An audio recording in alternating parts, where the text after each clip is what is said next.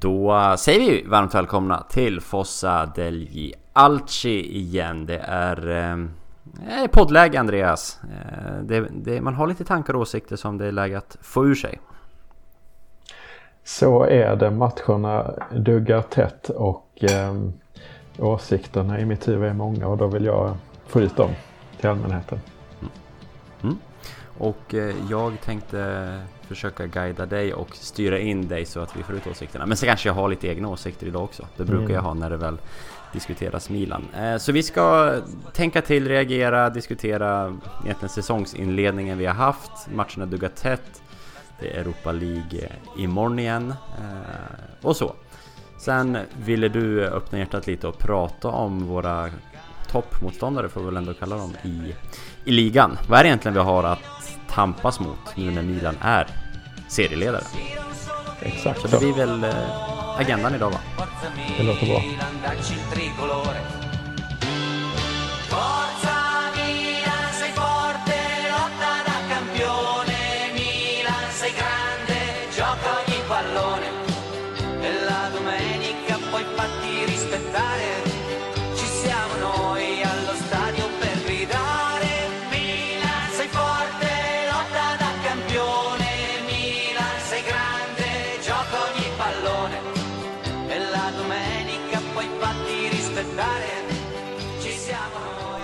Frågan är om vi ska byta ut intromelodin mot typ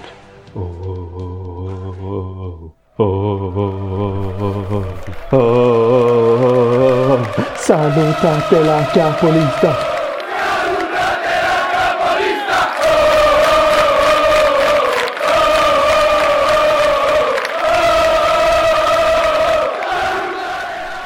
Den, den betyder mycket för mig personligen. Dels är den eh, det var så stor grej när jag var i Florens eh, eh, under en längre tid i en lägenhet där. För det var 2016 tror jag det var. Det var i alla fall då Fiorentina var så himla bra en sommar. Kalinic var ju målkung. Så han mm. kunde jag höra från min lägenhet om det inte var så att jag var på matcherna så vrålade ju spikern ut. Eh, kunde man höra på avstånd för det är så öppna arenor. Eh, vrålade ut hans namn när han gjorde mål. Men där var, de körde stenhårt på Salutate la Capolista, alltså var hälsad, eh, eller var hälsade, hälsa mästarna. Eller hälsa, mm. förlåt, hälsa ligaledarna är det såklart. Eh, och tryckte tröjor på det och hela den grejen. Så att jag tycker att den är, det är viktigt att påpeka. Det är sällan man är ligaledare och det är vi nu. Jag får ju höra eh, Jag tror du la ut något klipp på våra sociala eller på vår Twitter eh, Där du sjöng det var, var väl efter derbyt om jag inte är helt snett på det. Eller inför derbyt, skitsamma. Eh, så, så var det någon som trodde att det var jag eller något som twittrade. Och sen fick jag höra liksom Ja ah, men vilken jävla hybris du sitter inne på David, lugna ner dig nu. Men jag håller med dig, det gäller att embracea stunden såklart. Och Alltså det, grejen är att jag ja. älskar ju den ramsan och det det är ju också så att det är väldigt sällan vi man är ligaledare. Det är ju typ när vi led, vann derbyt som vi pratade om i derbyavsnittet, eller jag pratade om då. Eh, eh, då sjöng, sjöng man ju den eh, högt. Eh, men sen är det, alltså jag har ju det är kanske någon ligaomgång, alltså tidigt som vi har läst eh, sen dess. Men det är ju på de här tio åren. Men jag tror inte det. Utan det har varit så, Nej, jag sådana lågvattenmärken till slut att man får sitta och liksom leta upp en tabell som skriver i bokstavsordning där de har med Acce Milan, alltså AC Milan. Så att, så att man ska hamna överst och då kan man köra Salutate. Det är ju patetiskt eh, och så. Nu är vi ju... Hej, det har gått fem matcher ändå. ja, nej men eh, jag vill minnas att jag läste att det var första gången Milan var i ligaledning sen eh, Ja, det var en, Zlatan var här, säger jag. Men Zlatan var i Milan sist i alla fall. Mm. Förmodligen då säsongen efter Scudetton så låg vi väl i topp någon gång. Mm. Ja, vi ledde ju ligan eh, länge då ju. Eh, ja, jo precis. Till Montaris ja. mål och hela den biten. Så att, eh. Ja, precis. precis. Så ja, det ska vara senast. Eh, mm. Så det är ju länge sedan. Så man passar ju på att, att njuta. Men varken du eller jag njöt ju riktigt här i, eh, i måndags. Eh, Roma 3-3. Klart svårt att inte nämna den matchen. Eh, jag var arg, upprörd, besviken efter den matchen. Och det är trots att vi inte förlorade och trots att man fortsatt är obesegrade då, som en effekt av det. Är det någon annan form av vinnarmentalitet som har smugit sig in hos spelarna? Det har vi diskuterat. Men hos fansen? Hos oss också? Vad tror du? Ja men det är ju eh, absolut en tolkning man kan göra att det är positivt att vi är så pass syra. Sen har det också att göra med sättet det skedde på. Dels att, eh, att eh, det var alltså ett helt... Alltså jag var verkligen, alltså jag var i chock. Som eh, Kulusevski mm. skulle ha sagt fast jag menade verkligen. För att det var helt obegripligt. Och jag, visst, Hakan ska inte heller ha straff men ett två fel blir inte, eh, tar inte ut varandra i, i det här fallet skulle jag säga. För att det som händer med Milan, alltså det, det är klart att det händer något i psyket på spelarna. Det var, alltså, mm. När, när det, det domslutet eh, tas, det första domslutet. Så att eh, bara för att det reducerar, alltså det är lika många fel, det är lika många mål så tror jag att det påverkar matchen rätt mycket. Ja, efter det så, alltså han tappade ju jag håller med dig om att det är det initiala och första misstaget som, som sätter tonen och som bygger den här besvikelsen. Men sen går det ju bara ut för efter det. Eh, visst, Milans eh, kompensationsstraff är ju en kompensationsstraff. Jag kände på mig att den skulle komma. Men är det inte så direkt efter Romas mål så blir ju Zlatan varnad ja. också. Eh, när Kumbula eller vem det var som... Det är ju en hans! Mm. Alltså det, det, är en, det är en straff, det är ju i straffområdet, Kombulla Hans istället för Zlatan gult kort. När han för en gång skulle inte hoppar upp med armbågen i ansiktet. Zlatan gör det väldigt ofta, kanske ska ha fler varningar än han faktiskt får. Mm. Om man ska vara krass. Men eh, den här gången gjorde han ju inte det. Får ändå gult och frispark såklart emot sig. Så nej. Jag var upprörd. Verkligen och sen har det också lite att göra med att deras deras 2-0 eh, andra mål är ju på det här eh, dumma misstaget då. De två andra målen de gör är ju två stora misstag av oss. Av eh, mm. Tatarusano och av Zlatan respektive som, som också gör att det känns surt förstås. Eh, det, visst, Roma hade en del men det, det kändes inte som att de hade super, var superfarliga precis. Nej, vi diskuterade ju inför att Alltså, vi, vi, refererar ofta till vår chatt och det är alltså en chatt mellan dig och mig och Kerim. Mm. Kerim är obviously inte med idag mm. som ni märker. Eh, han hade hört, hörts uh, by now, men Alltså alla vi tre var ju övertygade om att idag vinner vi. Eh, alltså, och den, en känsla mot ett storlag som det var länge sedan någon av oss hade och jag gissar att flera av er som lyssnar hade några liknande tankar, känslor. Eh, sen kom ju det här med Donnarumma och det kanske förändrades en del av det såklart men eh, Man var väldigt optimistisk inför och det är också en känsla. Jag har uttryckt det tidigare här att jag har Alltså säg för två, tre år sedan så var jag inte säker på att vi skulle slå eh, Spezia hemma liksom. Eh, Nu i början av den här säsongen och i slutet på förra så var man ju det Att vi skulle vinna mot mitten och bottenlagen. Men här i söndags måndags eh, så var man ju också övertygad om att ja, men vi kommer slå Roma idag. Mm. Liksom. Roma har lite problem, lite skador, lite Corona. Eh, så det här kommer Milan ta. Eh, kanske också en anledning till att man var så pass besviken efter. att Men eh, ja, Donnarummas frånfall ändrade ju lite min mentalitet. Tatorusano in kall så att säga. Och det fick vi se direkt.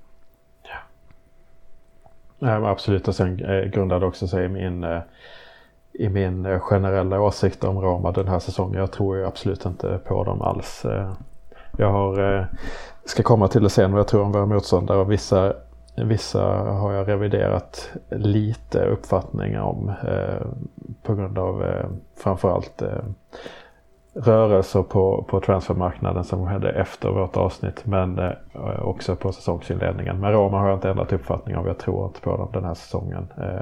Så att därför känns det som ett lag som vi skulle slå. Men samtidigt, det är en poäng. Det är inte katastrof. Vi leder fortfarande. För mig är det, det ska bli eh, det är ett intressant kvitto på, på söndag hur man eh, hanterar Udinese. Går man och vinner där direkt igen så eh, mm. har det inte allt för stor inverkan på tabellen. För det är ju också en sån grej som man ofta kunde se kan säga annars att ja, men vi kanske tar poäng eller vinner eh, någon stor match då och då. Men sen så går man ligamatchen efter mot något mindre lag och, och tappar poäng. Då, då spelar det ju mindre roll. Eh, så att eh, jag tror att det, det kommer bli med en vinst på Udinese så, mot Udinese så kommer det vara väldigt god stämning igen.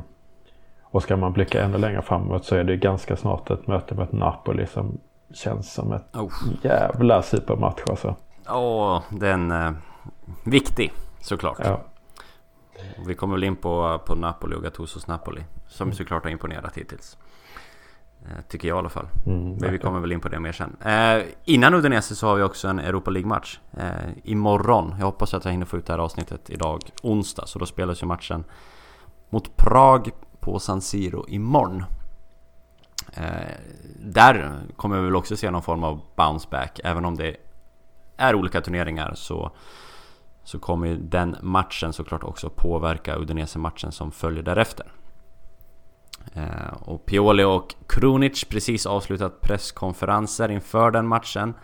Eh, Pioli är inne på att han kommer att eh, göra en del roteringar. Han fick frågor om Zlatans eh, hur han mår.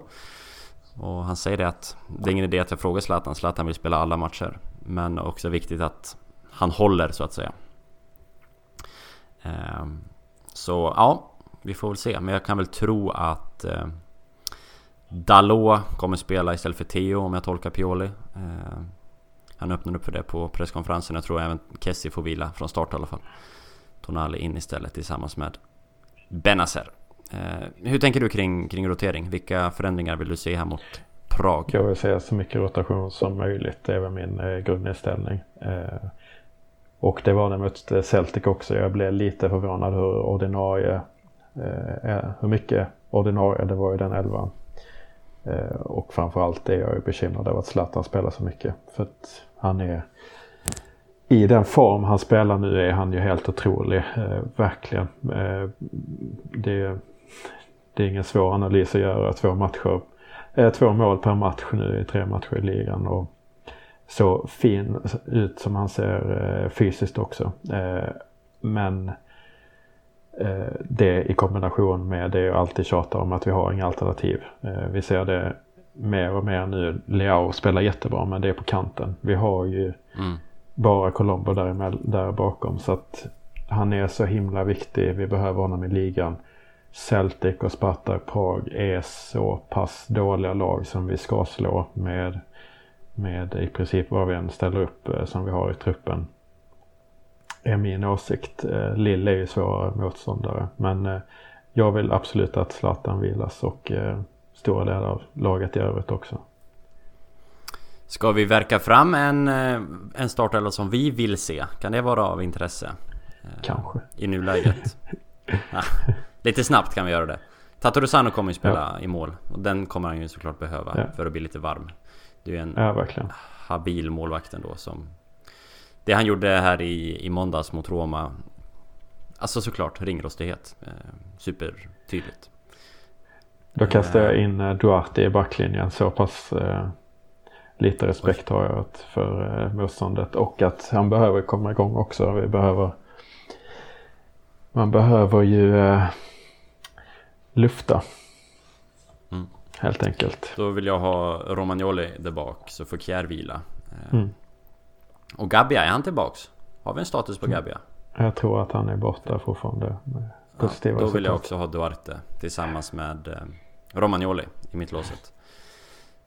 Jag vill ha Dalot på vänsterkanten. Eller Theo Hernandez har sett rätt kall ut va?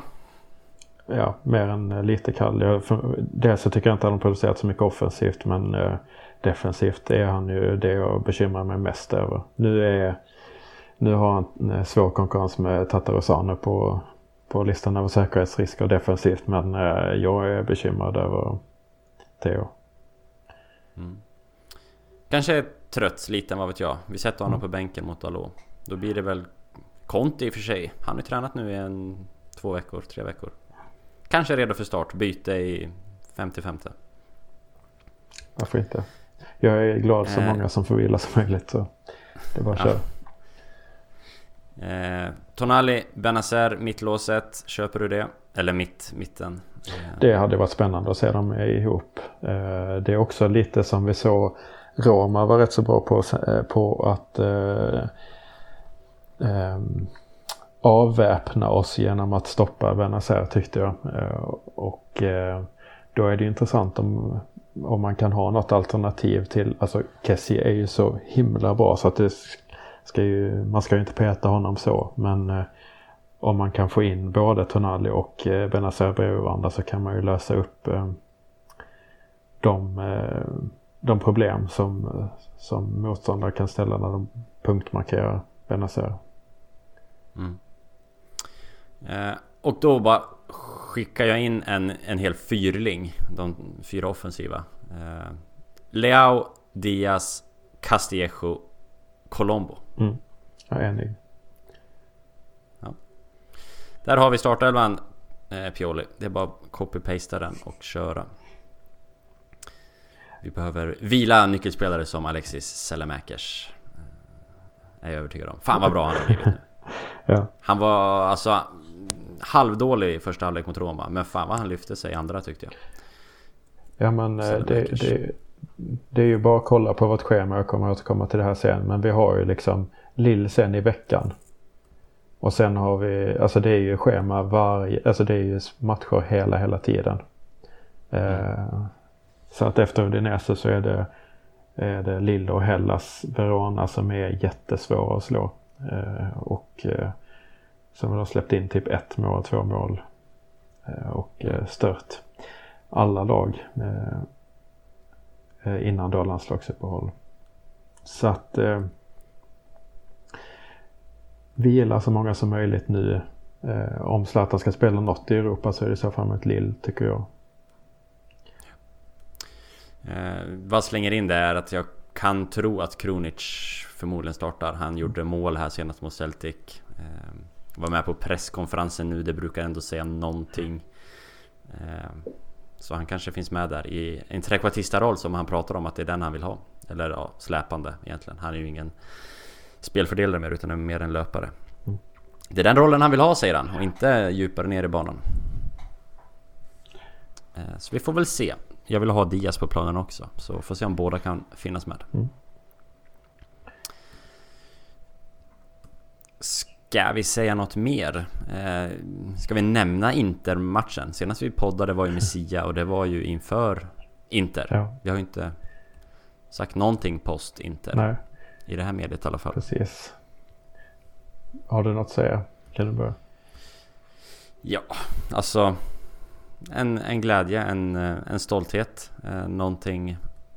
Man levde länge på den derbyvinsten och jag kan fortfarande plocka upp derbyvinsten i, i vissa sammanhang att, att luta sig tillbaka mot. Jag eh, tror att den var otroligt eh, viktig eh, psykologiskt för det här Milan. Eh, Inter var väl egentligen det enda lag i den här o-unbeatable, alltså förlustfria raden vi har nu. Så har vi ju inte förlorat mot eh, Napoli, Juventus, Roma, Lazio. Slagit de flesta av dem, kanske alla. Eh, men Inter var inte med på den raden. Nu är Inter med där också. Så nu har vi ju alla storlag i den eh, förlustfria raden här. Så eh, jag tror det är viktigt eh, i det långa loppet att att vi visar att fan vi kan även slå Inter som har varit ett spöke senaste tiden. Framförallt för spelare som Donnarumma, för Romagnoli, Calabria, de som har varit med eh, länge. Sådana som typ Leao, alltså nyförvärven och de nyare, de kanske inte har det. Men jag tror det kan vara viktigt för, för, ja, för vår italienska kärna, om vi säger så. Mm. Mm. Och för de som är Milanisti. Tonali kanske var viktigt för. Viktigt ja. att han fick komma in och spela lite också.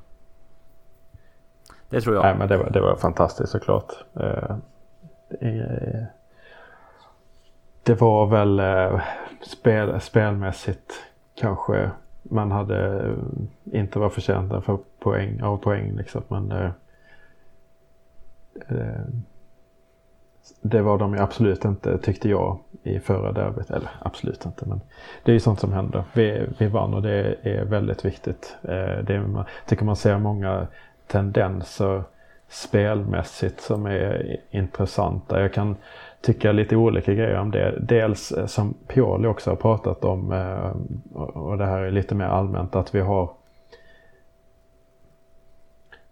vi behöver få igång, vi behöver vinna mer på grund av vårt spel så att säga. Nu har vi vunnit väldigt mycket på grund av ren inställning. Eh, och eh, eh, det är ju någonting som vi har saknat tidigare. och framförallt innan Zlatan kom och det är ju extremt värdefullt. Men också att man har det här redskapet i i verktygslådan att man kan eh, att man inte förlitar sig på inställning utan att man har ett spel som grundspel som, som eh, resulterar i fler mål där man kan eh, slå på tempot sen och liksom städa av matcher och sådär. Spara energi. Eh, men samtidigt så tycker jag att vi ser tydliga riktlinjer nu som jag i alla fall spontant inte kan, kan minnas att vi har sett sedan Allegris dagar. Kanske beror på min mitt spontana påstående eller bristande taktiska insyn. Men ja, eh, skitsamma. Bra liksom tydliga eh, linjer tycker jag man kan se att vi gör mål på ett visst sätt som känns väldigt intränade. Ruggigt bra på omställningar. Alltså det, och det, framförallt med ett Inter såg man ju det. Alltså det är ju det är ett riktigt fint eh, 2-0 mål den eh, omställningen. Mm, 1-0 kommer också på omställning. Eh, men eh, 2-0, alltså det är snabbheten från, från Calabria där och sen så Sellemäcker som gör snabb vändning och sen så vet, det känns som alla vet vad, vad de ska göra och Hakan slår den snabbt ut till Leao som använder det han är bra på. Eh, och tar sig förbi och gör det såklart bra, väldigt bra på en individuell på ett individuellt plan men det känns väldigt Eh, eh, det känns som ett väldigt intränat sätt att... Och, eh, ja, och, och, och framförallt om jag får flika in liksom mot Inter och hur det här Inter spelar och hur Contes hur Conte anammar taktiken. Vi, vi, ser generellt kontringsmönster men mot Inter var det extremt tydligt tyckte jag. Ja. Att det var någonting de hade diskuterat inför för att såra Eh, Contes taktik. Och jag vet att Sia som ju gästade vår senaste podd, att han var ute på sociala medier och var så besviken att Conte i ännu en stor match blev läst taktiskt. Och det, ja, det får man ge Pioli. Att, att de här linjerna och mönstren sitter och att de också anpassas utifrån motståndet tycker jag. Vilket vi framförallt såg mot Inter. Jag vet inte om jag sa det i den podden eller om jag skrev det på Twitter eller sånt. Men det var i alla fall en åsikt som jag var väldigt sugen på att få ut till allmänheten. Och det är just det att men Pioli är ju en jättebra tränare i stormatcher. Det är taktiskt. Det känns som att han, han levererar alltid där. Och vi spelar jämt även, om det, även tidigare när vi inte var på samma höga nivå. Eh, så det, det kändes ju väldigt studerat att utnyttja ytan bakom Hakimi med, med Leao och sen att Zlatan såklart inte behöver stångas hela tiden mot eh, De Frey utan att han kanske kan gå lite mot Kolarov också eh, i luften. Det känns ju mycket rimligare. Så att det är fantastiskt fint. Eh. Vad bra. Ska vi lägga den till handlingarna men ta med oss känslan vi har från, från Milano-derbyt. Ja, nej men verkligen. Och, och jag ser det här med karaktär är ju liksom superviktigt. Det är inte det jag menar utan jag menar bara att vi eh, man har gärna velat vinna lite på spel också om man på, på, pratar på eh, det är väldigt mycket intensitet, intensitet som jag älskar. Eh, alltså det sättet att spela fotboll det är det jag gillar mest. Eh, och, och tror mest på. Och det ser, tycker jag att man ser också flest framgångsrika lag nu i Italien med eh, Atalanta, eh, Sassuolo, Hellas eh, som utifrån sina förutsättningar gör det jättebra och sen så har vi ju Liverpool och så vidare. Alltså det finns ju många lag i Europa också. Jag tror väldigt mycket på det här sättet att spela och vi har ju också värvat in lite spelartyper för det. Så att eh, eh jag tror mycket på det. Ibland kan jag känna att eh, det är såklart väldigt förenklat men jag kan bara känna att eh, det gick så många år där vi bara det var så stillastående och det, alltså det var bara passningar och så skulle någon göra någonting men inga tog löpningar för, för någon annan. Inga tog Alltså ingen sprang, ingen kämpade. Det, är det, alltså, det känns så himla enkelt att göra en sån observation. Men hur fan ska man vinna när man inte har någon rörelse eh, och öppna upp ytor och ta liksom löpningar för varandra, visa sig spelbara, alltså sådana grejer. Eh, det kändes som att så många Nej, år där vi bara stod stilla och väntade på någonting. Här är det, det är så himla mycket löpningar som känns strukturerade och det är intensitet och det är, jag tycker det är fantastiskt att se. Ja, jag håller med. Senaste... Alltså, vi har pratat om det mycket och, och Suso... Eh, senaste två, tre åren. Handbollsrullningar utanför straffområdet mm. ut till Suso för att Suso ska hitta på någonting. Mm. Han gjorde det ibland, eh, vilket gör att han stack ut positivt när han väl öppnade upp gjorde någonting bra, sköt från distans eller hittade in i straffområdet. Men det blev inte hållbart liksom. Eh, att det var våran spelidé för i mm. typ två år. Nej, så det, det är bara att skriva under på det. Och nu har vi inte ens haft våran kanske starkaste djupledsspelare på plan heller. Eh, I Ante Rebic. Eh, mm. Snart på väg tillbaks. Kanske bänken imorgon men det är också en styrka. Vi har haft Leao där ute som har gjort det jättebra. Men han är ju inte... Han ska ju löpa med boll. Det är där han är som bäst. Inte utan boll kanske. Nej, verkligen. Så det kan ju bli bättre till och med. Men med det sagt kanske vi inte ska peta Leao från vänsterkanten just nu. Men ja, Rebic kan bli inbytt mot uh, Udinese. Han gjorde ju något, uh, han gjorde ju mål uh, på Udinese på tilläggstid uh, där i början när han kom igång. det var hans första mål tror jag, i Milan. Mot Udinese. På, sent, sent in på tilläggstid om det var slutsekunder eller till och med. Så sent behöver vi inte ha det. Så. Nej. Kan vara ett av eh, de bästa klippen Milan har producerat. Alltså Milan som organisation producerade i fjol. Okay. Eh, man följde egentligen eh, speakern. Ja. Som jag nu tappat namnet på. Men våran ja, ganska karismatiska speaker. Mm. Följer han en arbetsdag. Från hur han kör till arenan till hur han förbereder sig till hur han faktiskt skriker ut. Och då, ganska passande när han har videoteamet med sig när det är Rebic som avgör 95 Eller vad det nu mm. var. Ja, den var fin. Jag kommer ihåg, han, han har ju någon radiokommunikation med något kontrollrum och liksom skrev Krunic, Krunic, var det Krunic? Ja, det var Krunic, ja, ska jag skrika Krunic? Just. Och sen så här Rebic Ja, sen ja, kör han det... Il numero! Ja. ja, det var fint. Sen kommer jag inte på vad 12 heter på italienska just nu. Dodici. Men hade han inte 18 då? Jo, det är det. Ja. Uh, nej. Mm. nej, det var fint och året innan det så var det ju avgörande på Udinese på tilläggstid också med Romagnoli som var helt fantastisk också. När han får bollen Romagnoli och Suso bollade 14 gånger fram och tillbaks i straffområdet i 97 ja, just minuter. det, det var mot Udinese. Sen var det ju typ matchen efter där Romagnoli också avgör där han får ett skott mm. ut och så, så, så slår den direkt på volley. Han bara reagerar. Ja, ja. fy fan vad fin. Slänger upp igen. Dit vill vi ha honom igen, eh, Alessio. Ja, han eh, är i skuggan av eh, Kjär de här två matcherna han spelat. Mm. Men Kjär har ju också, han är ju världens bästa mittback just nu. Det är självklart. Satan vad bra självklart. Kjär. Eh, jag tänker vi gör en liten paus, sen ska vi kort prata lite mer om Sparta. Jag har en liten utmaning till dig. Mm. Och sen ska du få lägga ut korten om våra motståndare här i ligan. Mm. Spännande. Milan. Milan,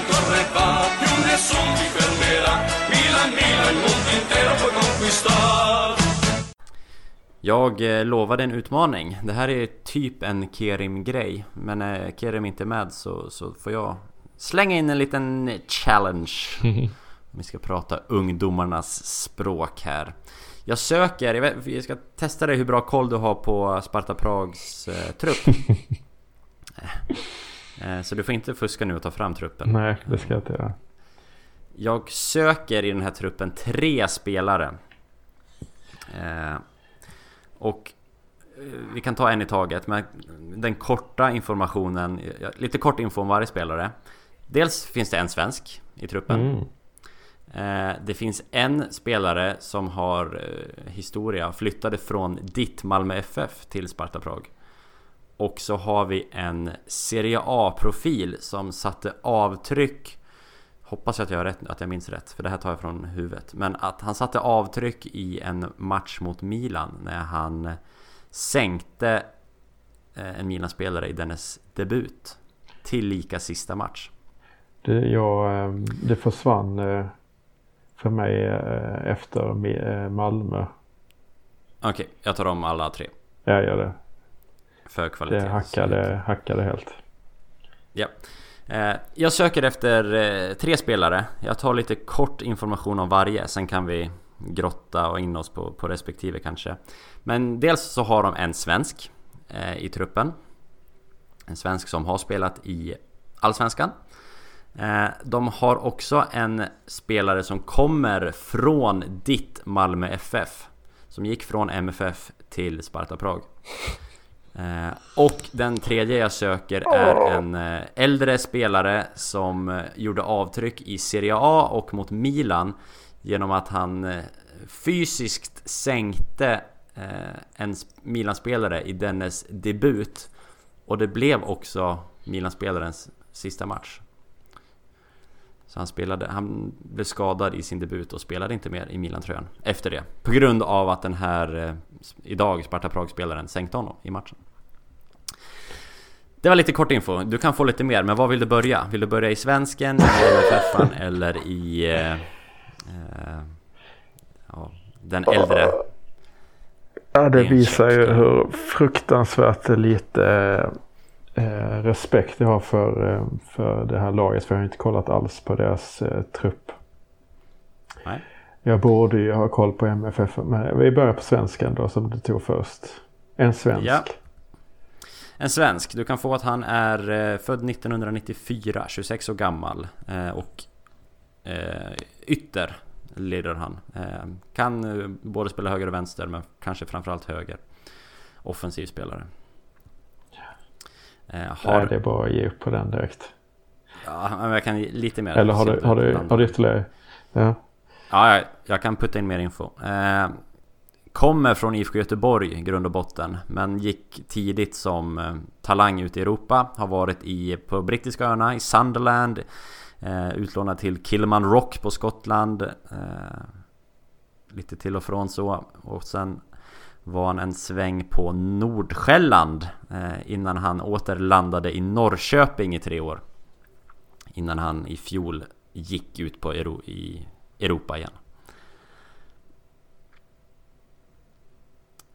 Säger det någonting? Ja, det borde man ju nästan ta på det där eh, eh, sista. Nej, det, jag tror att mitt, eh, det blir för utdraget eh, ja, mitt gissande så att eh, ja. jag tycker att du kan avslöja det. Han delar förnamn med mig och han har ett dubbel efternamn.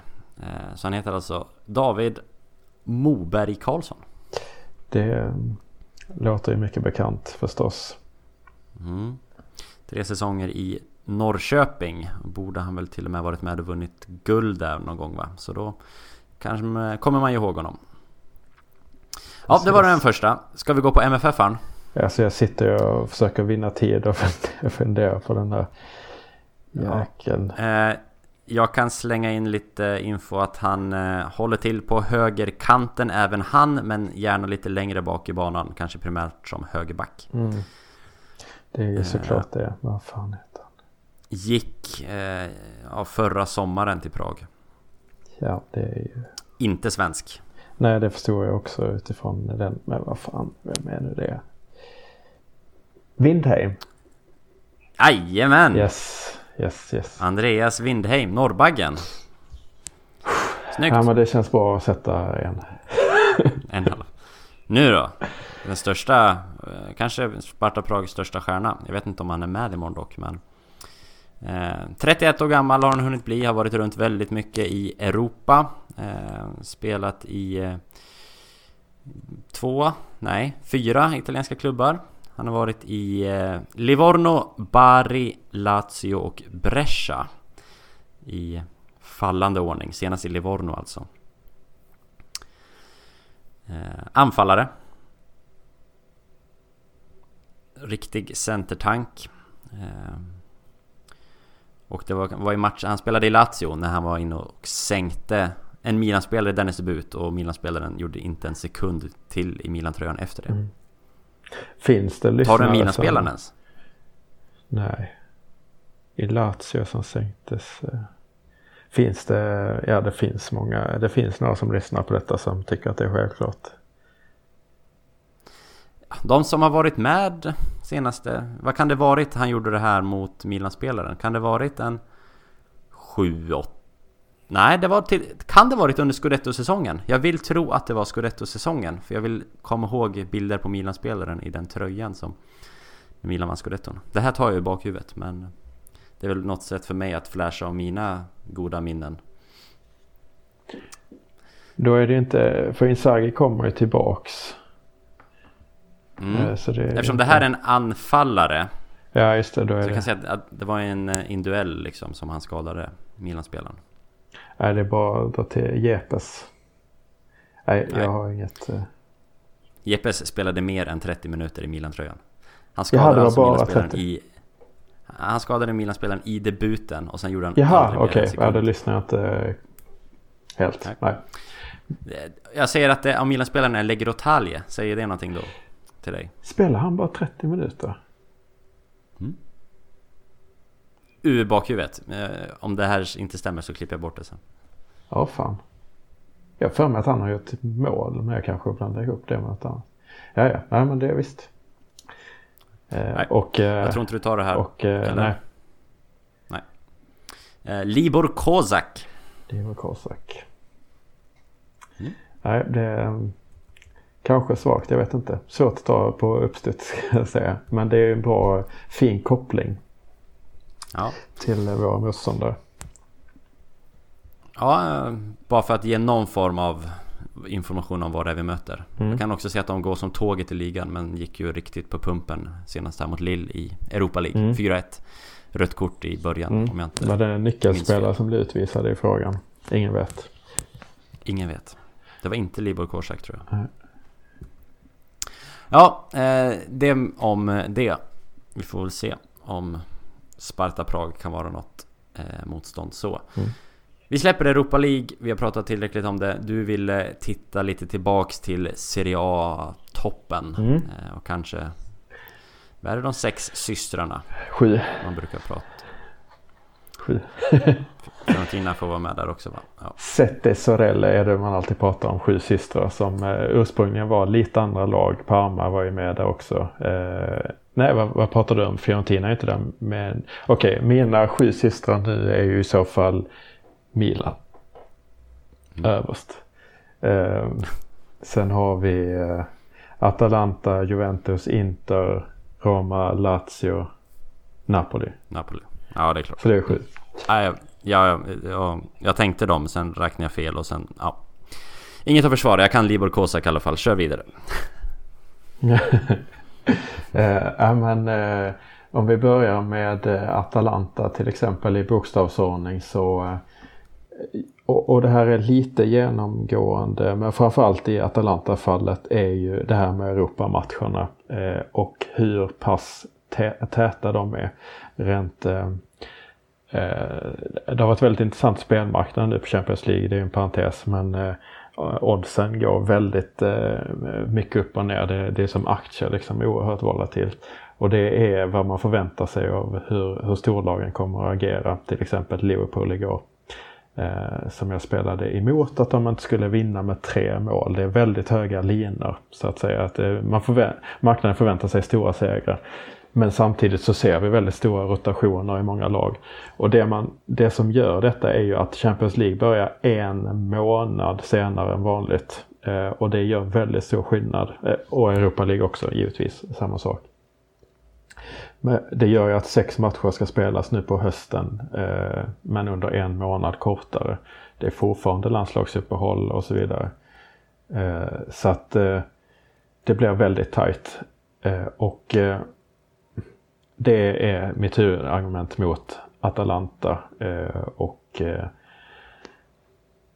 för jag tror nämligen att eh, nu när, när Napoli har sett bättre ut så vi, eh, har vi en större chans att hamna före Atalanta än Napoli.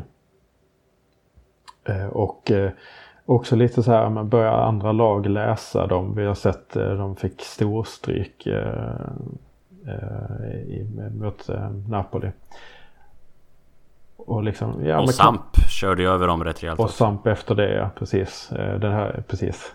Det är ju det här det, Men eh, mina åsikter bildades innan matchen mot Samp men där fick vi det ytterligare bekräftat. Så, eh, så, så dels att du, du kan ju liksom, sväller du bara förbi deras tokpress så blir det ju jätteytor. Eh, och, och, och har man då skickliga en mot en spelare som, som man får säga är, det, det borde gå att läsa, lösa dem, eh, läsa dem så att säga. Men eh, sen är ju taket liksom, de spelar i eh, Champions League, de får in mycket pengar men deras förstärkningar är hela tiden samma sätt som de gör fantastiskt bra. Och Miranchuk som de har värvat är en jättetalang. Kan bli hur bra som helst men det är hela tiden en chansning när man värvar nya spelare. Så är det för alla lag. Och, det, och, och ska du klara dig på den nivån då måste du bevisa dig själv hela, hela tiden. Så det är ju därför jag är lite...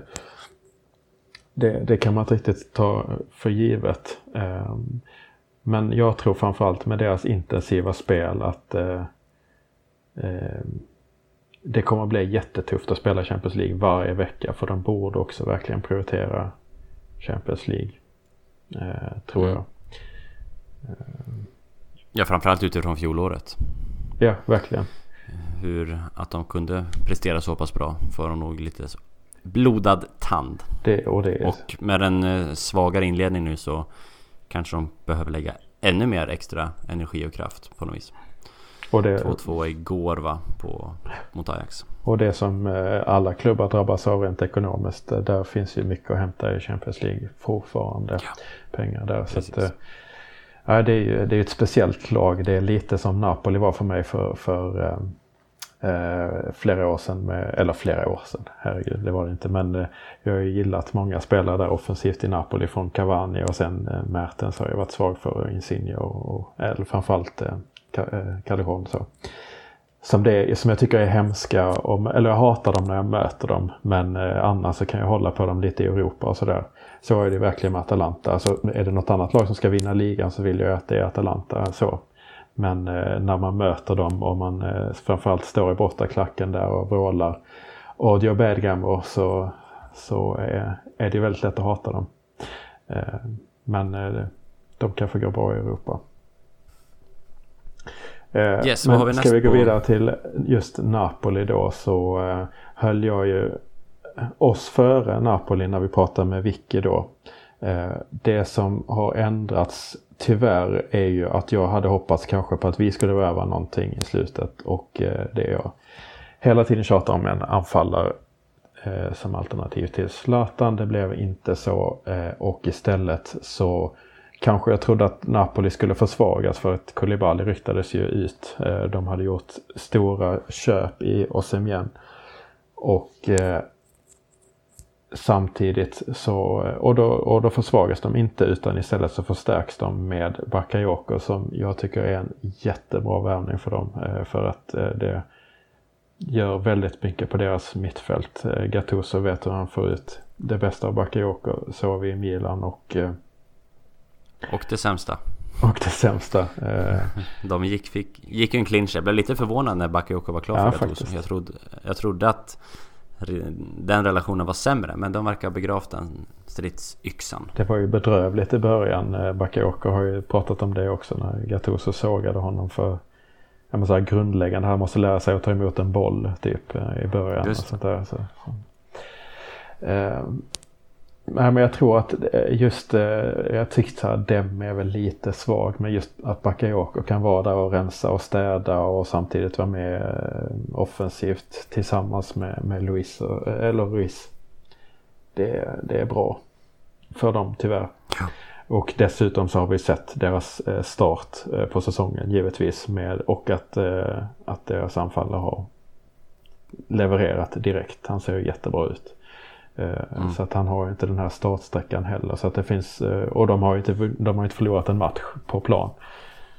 Så att... Eh, Nej, det är bara Romas sportchef, avgående sportchef som har gett dem en seger. Eh, ja. De förlorade ju på pappret mot Roma. För att Roma... Nej, Juventus. Nej, precis. Nej, jag tänkte...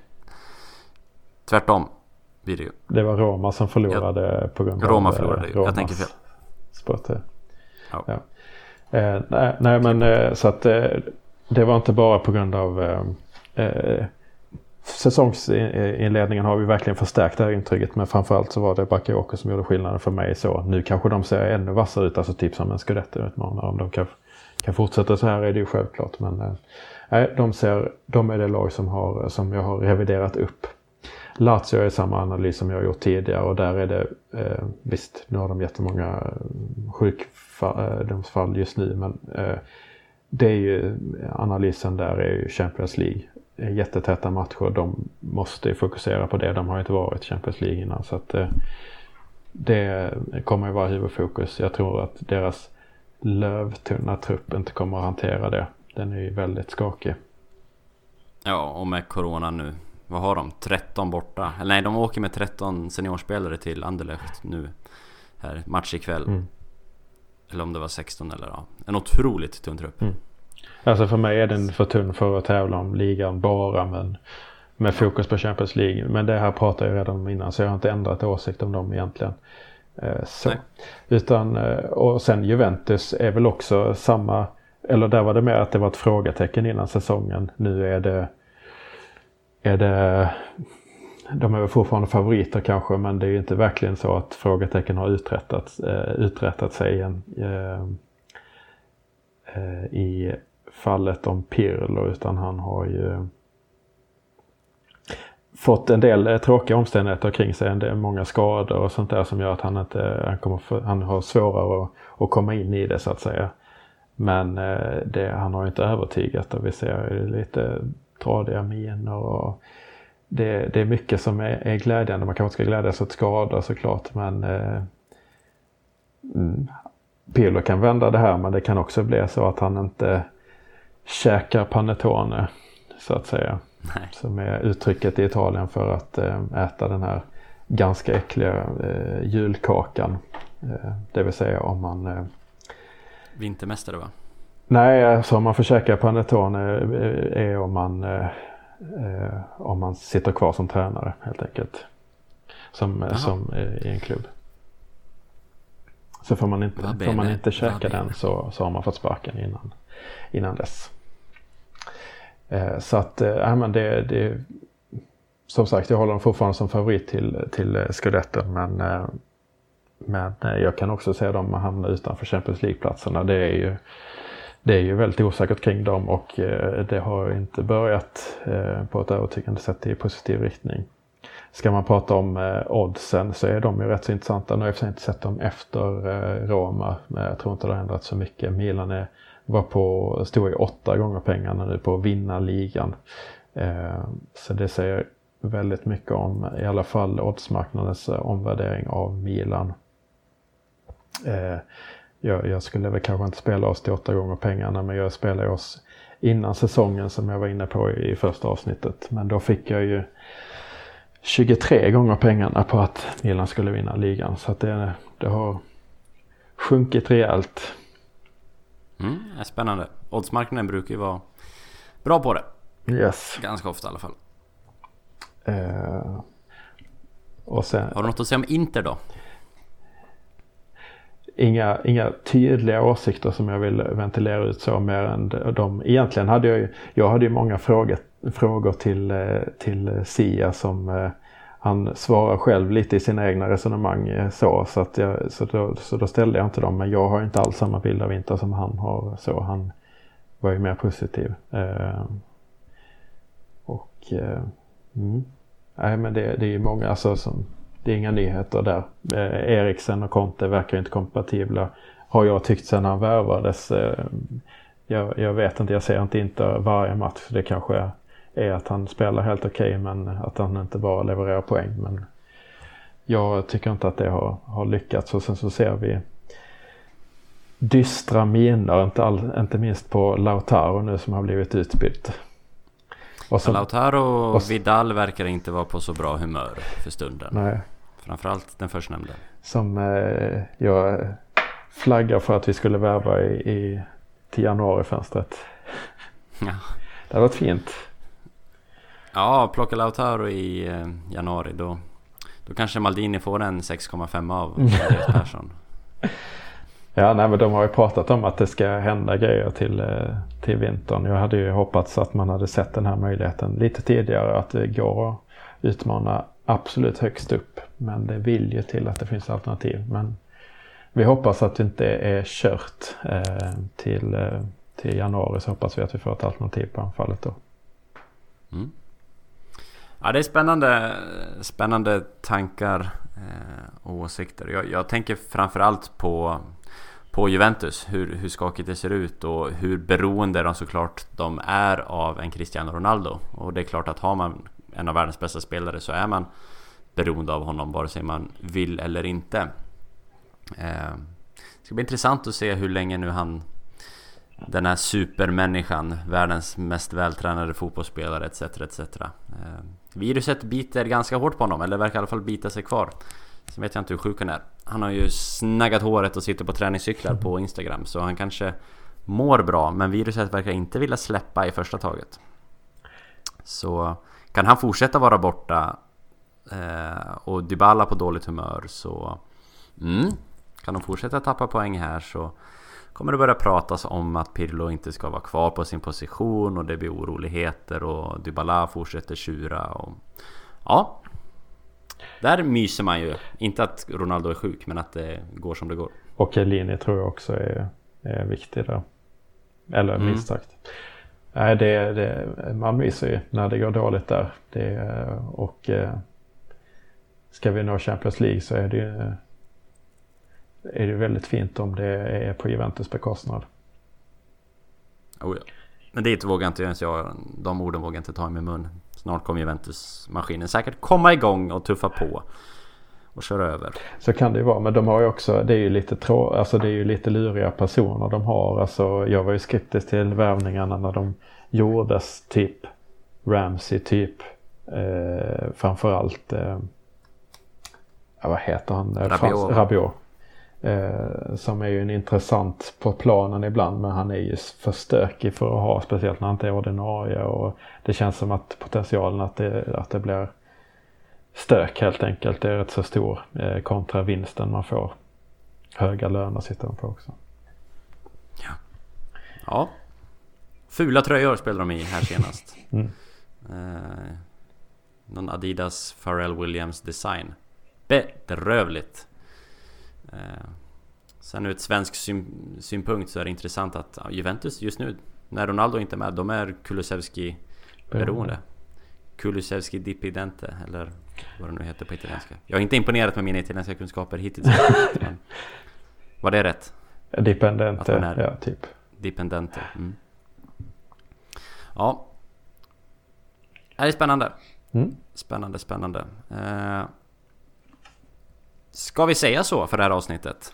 En, eh, det kan vi väl göra. En, en reaktion på det som har hänt Milan de senaste två, tre veckorna och det som händer Milan och hur omgivningen påverkas. Eh, fortsatt obesegrade Sparta Prag imorgon, Udinese på söndag.